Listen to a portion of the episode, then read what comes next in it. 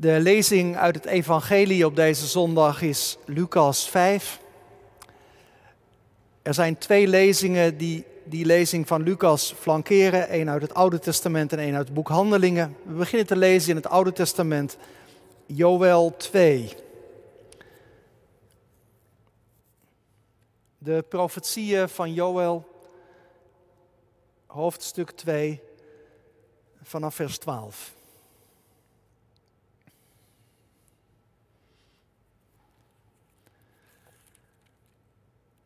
Context van het boek Joel is een grote noodsituatie. Sprinkhanenplaag, droogte. En voortdurend klinkt in het boek Joel ook de oproep tot bekering, tot omkeer tot God. Joel 2, vers 12.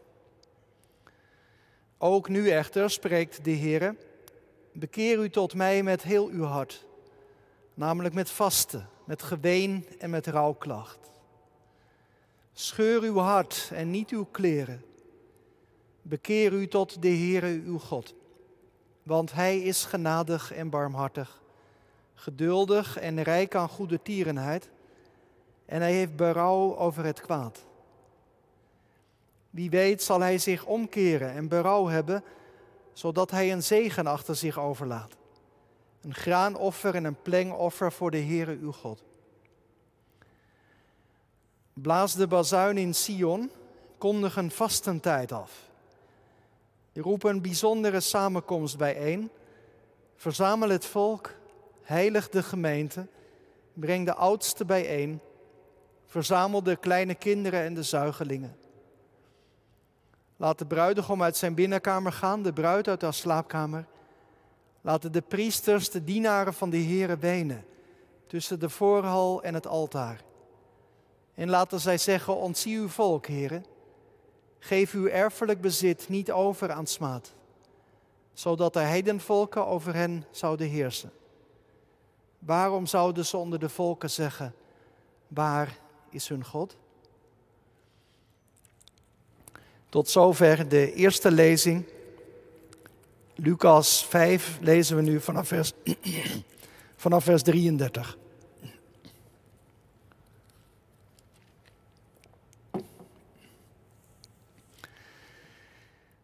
Lucas, Lucas 5, vers 33. en ze zeiden tegen hem, waarom vasten de discipelen van Johannes dikwijls en doen zij gebeden? En evenzo ook de discipelen van de fariseeën, maar die van u eten en drinken. Maar hij zei tegen hen, kunt u de bruiloftsgasten laten vasten terwijl de bruidegom bij hen is? De dagen zullen echter komen wanneer de bruidegom van hen weggenomen zal zijn dan, in die dagen, zullen zij vasten. En hij sprak ook tot hen een gelijkenis. Niemand zet een lap van een nieuw bovenkleed op een oud bovenkleed. Anders zal de nieuwe lap het oude bovenkleed laten scheuren. En de lap van het nieuwe zal niet passen bij het oude. En niemand doet nieuwe wijn in oude leren zakken, anders zal de nieuwe wijn de zakken doen barsten. En de wijn zelf zal eruit stromen en de zakken zullen verloren gaan. Maar nieuwe wijn moet men in nieuwe zakken doen en beide blijven ze behouden. En niemand die oude wijn drinkt wil meteen nieuwe, want hij zegt, de oude is beter. Ten slotte handelingen 13.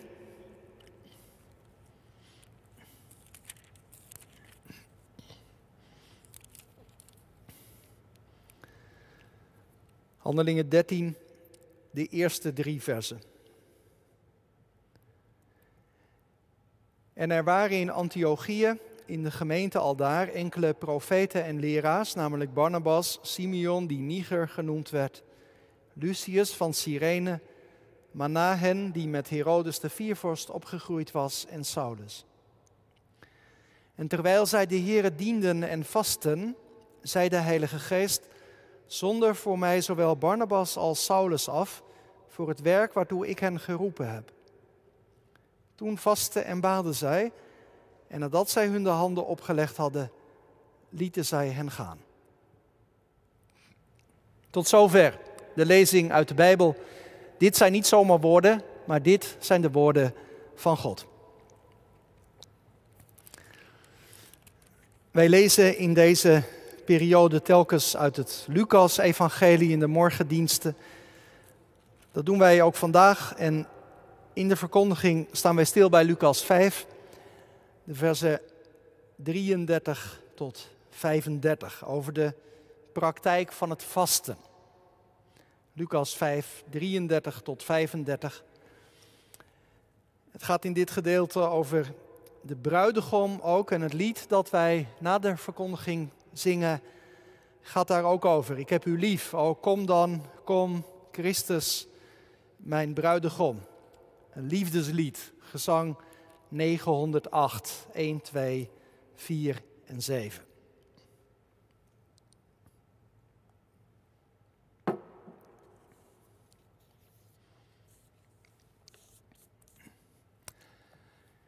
Broeders en zusters, gemeente van Christus. Vasten jullie helemaal niet? Het was tijdens het bezoek aan Nederland van een groep Afrikaanse christenen een paar jaar geleden. Zij keken rond in verschillende kerkelijke gemeenten, bezochten door de weekse activiteiten en maakten een aantal kerkdiensten mee. Vlak voordat ze naar huis gingen, hadden ze met de kerkenraad waar ze op het laatst te gast waren, uh, hadden ze met die kerkraad doorgepraat over dingen die hen waren opgevallen in Nederland. Ze hadden heel veel waarderende woorden, maar ook wel kritische vragen. En een van die kritische vragen was: vasten jullie helemaal niet? Nee, hoezo? had een van de kerkraadsleden gezegd. Veel moslims in ons land doen dat wel tijdens de vaste maand, maar nee, wij eigenlijk niet. Ik zou er ook niet aan moeten denken, had hij er eerlijk bij gezegd. Hoezo doen jullie dat niet? Die vraag wordt ook in Lucas 5 gesteld. Jezus zit aan de maaltijd in het huis van Levi. Levi die zojuist discipel van Jezus is geworden. Ik denk dat het een uitbundige maaltijd is geweest. Het was feest, er was iemand tot bekering gekomen. Maar de schriftgeleerden die grijpen dat moment aan om een discussie te beginnen. Neemt Jezus de dingen eigenlijk niet te gemakkelijk op? Waarom vasten, zo staat het in vers 33, waarom vasten de discipelen van Johannes dikwijls en doen ze gebeden? En ook de discipelen van de Fariseeën, maar die van u, van Jezus, die eten en drinken. Het gaat in dit gesprek dus over de praktijk van het vasten. In Israël was er één dag in het jaar waarop was voorgeschreven dat je moest vasten. Dat was de grote verzoendag. Een dag waarop het hele openbare leven stil kwam te liggen. Een dag van inkeer, van boete. En daarom ook geen dag om je te buiten te gaan aan eten en drinken. Heel nadrukkelijk had God dat juist voor die dag verboden. Naast die jaarlijks terugkerende dag werd bij ingrijpende gebeurtenissen soms ook een vaste of een boetedag uitgeroepen of een bepaalde periode. Denk aan die woorden die wij lazen uit Joël, waar de profeet oproept tot bekering met vasten, geween en rouwklacht. Nu wordt hier in Lucas 5 van de discipelen van Johannes en van de Fariseeën gezegd dat ze vaak vasten. Waarschijnlijk is het zo dat de Fariseeën iedere week op maandag en donderdag zo'n vastendag hadden. En uit Marcus 2, vers 18, waar dezelfde geschiedenis beschreven staat, kun je afleiden dat die maaltijd van Jezus met Levi precies plaatsvond op zo'n vastendag. Dus op maandag of op donderdag. En de vraag die dus gesteld wordt is, maar waarom doet Jezus daar niet aan mee? Nou, Jezus zegt, zolang de bruidegom er is, wordt er niet getreurd en niet gevast. Jongens en meiden, stel je voor dat je een bruiloft hebt. Ik denk dat er heel wat kinderen zijn die wel eens een bruiloft hebben meegemaakt.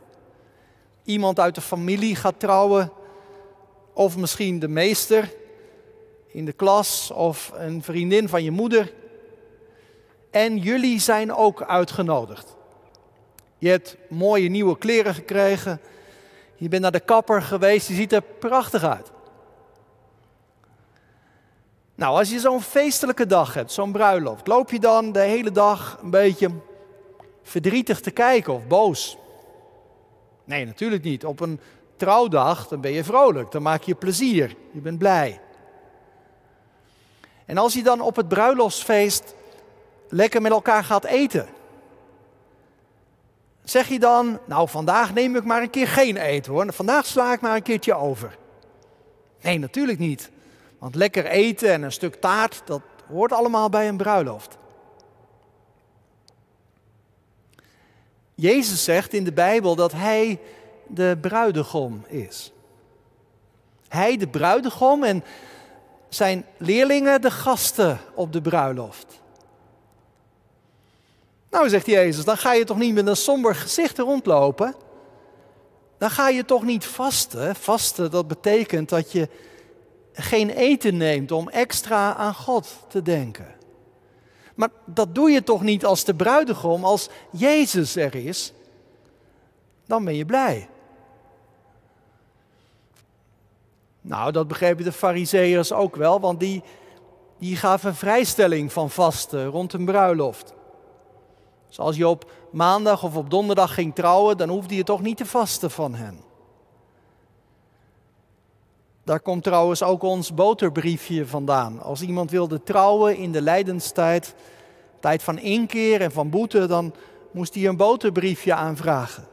Dan mocht je meer eten dan enkel brood. Je had als het ware een vrijstelling van het vasten. Het feest had voorrang. Nou, dat, dat hoort bij de bruidegom, dat hoort bij Jezus. In het Oude Testament wordt dat al voorzegd. Met de komst van de Messias zal alles anders worden. Denk aan de woorden waarmee ik vandaag de dienst begon. Het vasten zal voor het huis van Juda tot vreugde worden. Tot blijdschap, tot vreugdevolle feestdagen. Nou zegt Jezus, nu is het zover. Mijn komst betekent vreugde betekent feest. Want nu ik er ben, nu is de heilstijd aangebroken. Vergeving, hoop, een nieuw begin. Want in Jezus komt God zelf naar ons toe. En dat is het mooiste, het allermooiste nieuws dat er is. Ik hoop dat je dat ook herkent. Dat je het fijn vindt als het over Jezus gaat. Omdat Hij je leven nieuw maakt. Omdat Hij je schuld zomaar bedekt, zoals de sneeuw het aardoppervlak bedekt. Omdat je, ook als het in je leven soms tegenzit, als het moeilijk gaat, je er toch bovenuit kunt kijken. Je, je moed kunt vinden. Vertrouwen, omdat alles in Zijn hand is. Dus blijdschap en vreugde omdat de bruidegom er is. En daarom kunnen de gasten niet treuren, niet vasten. Je zou als conclusie dus kunnen trekken dat vasten niet bij het christelijke leven hoort. Maar dat is net te snel, want Jezus is ook nog niet klaar. Hij zegt, er zal een tijd komen dat mijn leerlingen wel zullen vasten. Zo staat het in vers 35. De dagen zullen komen wanneer de bruidegom van hen weggenomen zal zijn. Dan zullen zij vasten. Er zal een tijd komen, zegt Jezus, dan is het geen feest. Deze woorden die zijn een eerste toespeling op de dood van Jezus. als de bruidegom wordt weggenomen. Het woord wegnemen dat hier gebruikt wordt, duidt op een gewelddadige dood. De bruiloftsgasten zullen dan vasten. Wij herkennen daar ook wel iets van. Er zijn van die momenten in je leven, dan krijg je geen hap door je keel. Als je echt verslagen bent. Als je een diep verdriet meemaakt. Of als er iemand in je omgeving ernstig ziek is. Je vergeet helemaal te eten. Dan moet er soms iemand zijn die zegt: joh, neem wat. Anders hou je het niet vol. Zo, was het ook bij de discipelen. Toen Jezus gestorven was, toen lag hun toekomst in puin. Ze voelden alleen maar de doffe pijn van het gemis. De bruidegom was weggenomen. Reken maar dat ze toen geen feestje hebben gebouwd. Dat ze toen geen uitbundige maaltijd hebben aangericht met elkaar. Ze waren verslagen van verdriet. Dan zullen ze vasten, zegt Jezus, als de bruidegom is weggenomen. Goed, je zou kunnen denken, dat heeft dan gelukkig niet lang geduurd. Want na drie dagen was de bruidegom weer terug. Jezus bleek sterker dan de dood. Hij stond op uit het graf. En ook als hij dan later terugkeert naar zijn vader in de hemel, dan, dan laat hij zijn leerlingen niet alleen. Ik ben met jullie, zegt Jezus, alle dagen. En toch blijkt ook in het vervolg van het Nieuwe Testament dat christenen soms nog steeds vasten. Wij lazen daar bijvoorbeeld over in Handelingen 13. De gemeente van Antiochië zoekt elkaar op en zij vragen zich af hoe, hoe gaan we verder? Er liggen, om zo te zeggen, grote uitdagingen voor de gemeente. Welke koers moeten wij gaan? Wat vraagt God van ons? Ze zoeken naar inzicht, naar leiding. En, en als uiting daarvan lees je dat de gemeente bidt en vast. Misschien kun je het zo zeggen. Wij mogen gemeente vast en zeker geloven dat Jezus de bruidegom bij ons is. Dat heeft Hij zelf beloofd.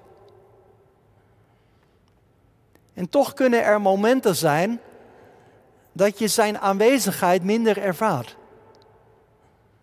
Of helemaal niet, misschien. Momenten dat je intens behoefte hebt aan Zijn leiding. Aan een woord van wijsheid over de weg die je moet gaan. De grote verandering die de komst van Jezus betekent voor de vastenpraktijk, is dat vasten nu niet meer zozeer gebonden is aan, aan vaste dagen, dus die maandag en die donderdag bijvoorbeeld. Vasten is voortaan verbonden aan de persoon van Jezus zelf. Dat is ook de betekenis van die die voorbeelden die Jezus daarna noemt. Klinkt een beetje cryptisch, wordt ook wel verschillend uitgelegd. Over een nieuwe lap die je niet op een oude mantel moet naaien. En over nieuwe wijn die je niet in oude zakken moet doen.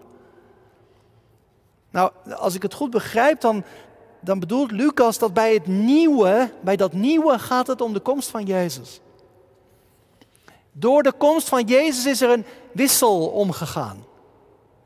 Niet meer die oude vaste dagen als wekelijks ritueel, maar het vasten verbonden met de persoon van Jezus.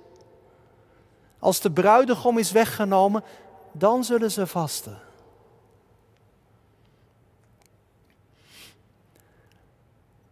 Als ik dan de lijn wat doortrek naar ons, als het dus inderdaad zo is dat vasten niet iets achterhaalds is, maar ook nog steeds een rol zou kunnen spelen in de geloofspraktijk. Wat zouden voor ons momenten kunnen zijn om te vasten? Ik noem drie dingen. In de eerste plaats denk ik aan momenten waarop wij stilstaan bij wat het Jezus gekost heeft om het werkelijk feest te laten worden. Volgende week zondag begint de lijdenstijd. De woensdag erna de 40 dagen tijd. En dat is in de traditie van de kerk ook altijd een periode van vasten geweest. Een tijd van inkeer, van boete, van schuldbeleidenis tegenover God. Vasten en bidden gaan dan eigenlijk ook altijd samen in de Bijbel. Vasten als een lichamelijke uitdrukking van wat je met de mond beleidt tegen God. Heer, ik heb gezondigd in woorden, in werken en in gedachten. En het is voor mijn zonde dat Jezus moest komen en die hele lange, zware, diepe weg tot aan het kruis moest gaan.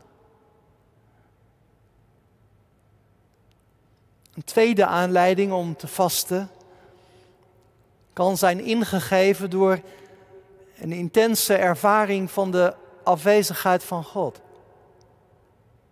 En als keerzijde een intens verlangen naar zijn terugkeer. Want zeker, ik zei al, Jezus, hij belooft ons. Hij belooft ons zijn aanwezigheid, alle dagen. Maar er zijn momenten dat wij dat niet zo beleven.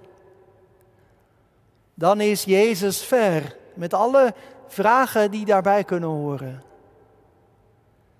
Waar is Hij nu ik Hem zo nodig heb? Waarom ervaar ik nu in mijn situatie zo weinig van Hem? Ik heb Hem zo nodig en waar is Hij nu? Ik begrijp het niet. Vasten als een intens uitzien naar de komst van de bruidegom. Verlangen naar een woord, naar een lichtstraal, een blijk van zijn liefde. Een derde aanleiding, die kwamen wij al tegen in Handelingen 13. Een derde aanleiding om te vasten kan een verlangen naar inzicht zijn. Een uitzien naar helderheid, naar wijsheid. Naar een vingerwijzing van God over hoe je hebt te handelen. Misschien in jouw leven wel dat je op een kruispunt staat, dat je nadenkt over je toekomst, dat er grote keuzes gemaakt moeten worden en, en, je weet het niet. Je staat eigenlijk met, met open handen, met lege handen. En je denkt, welke kant moet het op? Wat is, wat is de weg van God in mijn leven? Ik denk bijvoorbeeld ook aan de kerkenraden van de Sint-Jansgemeente. In de bezinning op een nieuw beleidsplan in allerlei vragen die naar ons toe komen. Welke accenten zijn belangrijk? Wat vraagt God van ons in deze tijd? Verlangen naar inzicht, naar licht van Gods geest. En, en het mooie is, dat zie je dus in Handelingen 13 gebeuren, dat in zo'n periode van vasten en bidden, dat er ook duidelijkheid ontstaat. Dat de geest de weg wijst. En de gemeente gaat het zien, welke nieuwe koers ze mogen gaan. En ze zenden mensen uit de wereld in om, om ook onder de heidenen het evangelie te gaan brengen.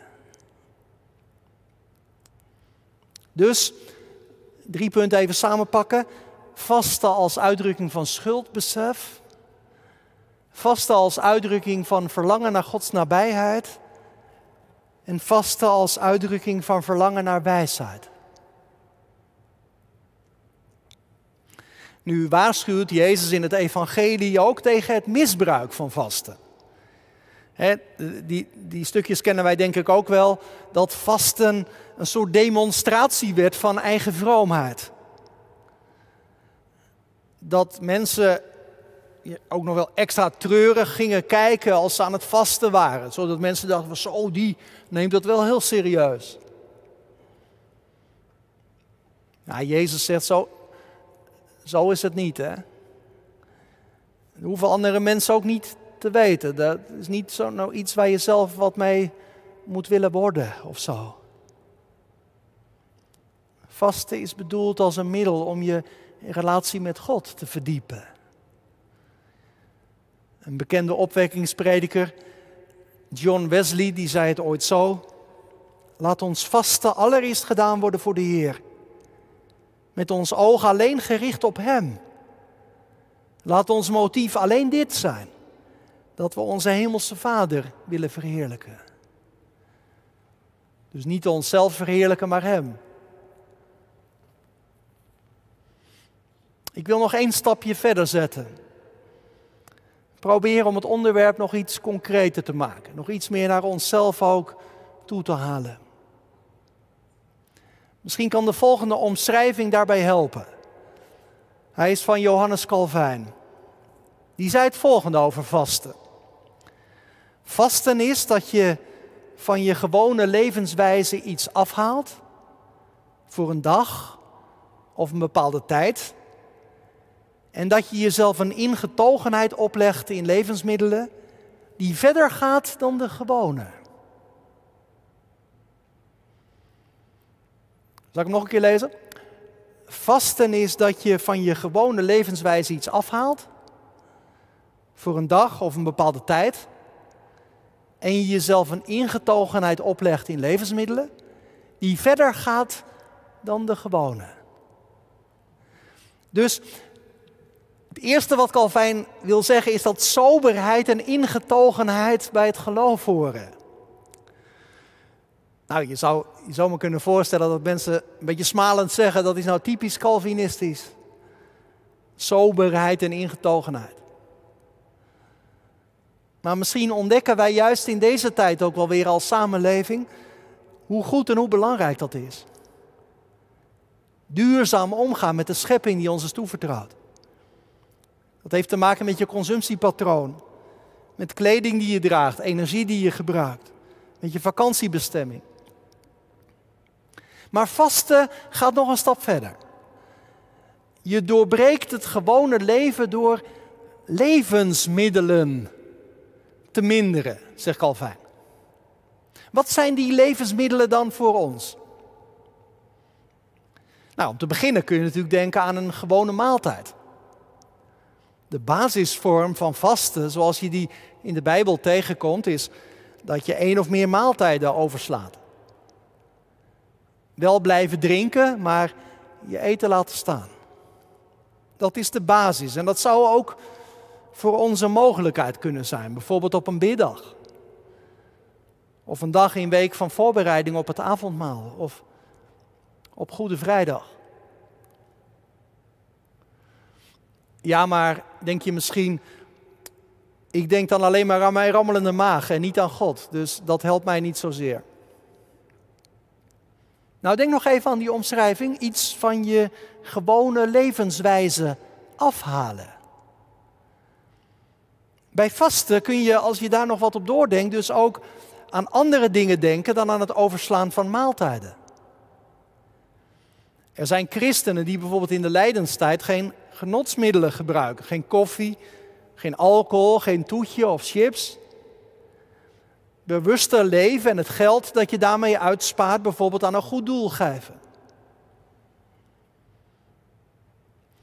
Maar belangrijk, en dat onderstreep ik nog een keer, belangrijk is wel om telkens voor ogen te houden waarom je vast. Vasten als een middel om je op God, op Christus te focussen. En misschien merk je dan ook wel hoe lastig het is. Ik heb een mooi boek in de kast staan. Het feest van de navolging heet het van Richard Foster. Die een heel aantal geestelijke oefeningen beschrijft. Bidden, bijbelezen en ook vasten. En hij zegt dan meer dan bij andere geestelijke oefeningen wordt bij vasten duidelijk waardoor wij beheerst worden. Een paar voorbeelden. Misschien, misschien luister jij de hele dag naar muziek. Je hebt altijd oortjes in. En soms val je er s'avonds zelfs mee in slaap. Zou het ook een dag zonder kunnen? Moet je echt altijd geluid om je heen hebben? En wat betekent dat voor jouw relatie met God? Je moet maar eens in de Bijbel kijken hoe belangrijk stilte daarin ook is. Zou je het kunnen proberen? Om die muziek eens een tijdje uit te zetten en bewust dan tijd nemen voor gebed.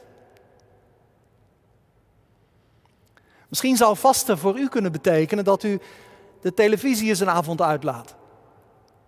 En dat je de tijd die vrijkomt besteedt aan het lezen van een goed boek. En ook om te bidden. Misschien wel weer eens samen als man en vrouw. Of als gezin. Misschien denk je aan je werk. Velen van ons die werken op dit moment thuis. Grenzen tussen werk en privé die lopen steeds meer door elkaar heen. Maar schiet je daar soms ook niet in door? Ik preek ook tegen mezelf. Kan je werk ook een te belangrijke rol spelen? Zou je ook niet eens bewust een dag vrij kunnen nemen? Om je te bezinnen op de vraag of je wel goed bezig bent zo. Of je in je inzet voor je werk niet aan het doorschieten bent. Of je misschien wel de mensen in je omgeving tekort doet. Of de dienst aan God er misschien niet te vaak bij inschiet. Vasten als vorm om je leven op God te richten. Ik denk aan onze smartphones. De meeste van ons kunnen niet meer zonder. Je hebt hem voor van alles en nodig, alles en nog wat nodig. Een heel nuttig apparaat. Maar je merkt pas goed hoezeer je er ook aan vastzit als je hem een tijdje probeert weg te leggen. Misschien word je daar onrustig van. Bang om een belangrijk bericht te missen. Om ergens niet bij te zijn. Ik denk dat velen van ons wel herkennen dat onze concentratie eigenlijk steeds, steeds vluchtiger wordt. Langere tijd geconcentreerd bezig zijn met één onderwerp, best lastig. En dat heeft zeker ook invloed op je geloof, op je relatie met God. Hoe moeilijk is het voor velen van ons om, om rustig een stuk uit de Bijbel te lezen? Om echt geconcentreerd te bidden. Zou je het kunnen of zou je het misschien willen proberen? In die komende lijdenstijd. Om heel bewust momenten te vasten van je telefoon. Om je extra op God te richten. Denk er eens over na en praat er eens over met een groep vrienden. Misschien kun je het samen doen. Vasten jullie helemaal niet? Vroegen die Afrikaanse christenen. Goed om vanmorgen die vraag binnen te laten komen. Welke vormen helpen u? Welke manieren helpen jou bij de concentratie op Christus? Dit is zeker. Wie de bruidegom kent, verlangt ernaar om dicht bij hem te zijn. Ik heb u lief, o gij mijn leven, vriend die mij trouw zijt tot het eind. Ik wil aan u mij overgeven, mijn zon, zolang gij mij beschijnt. Ik heb u lief, o kom dan, kom. Christus, mijn bruidegom. Amen.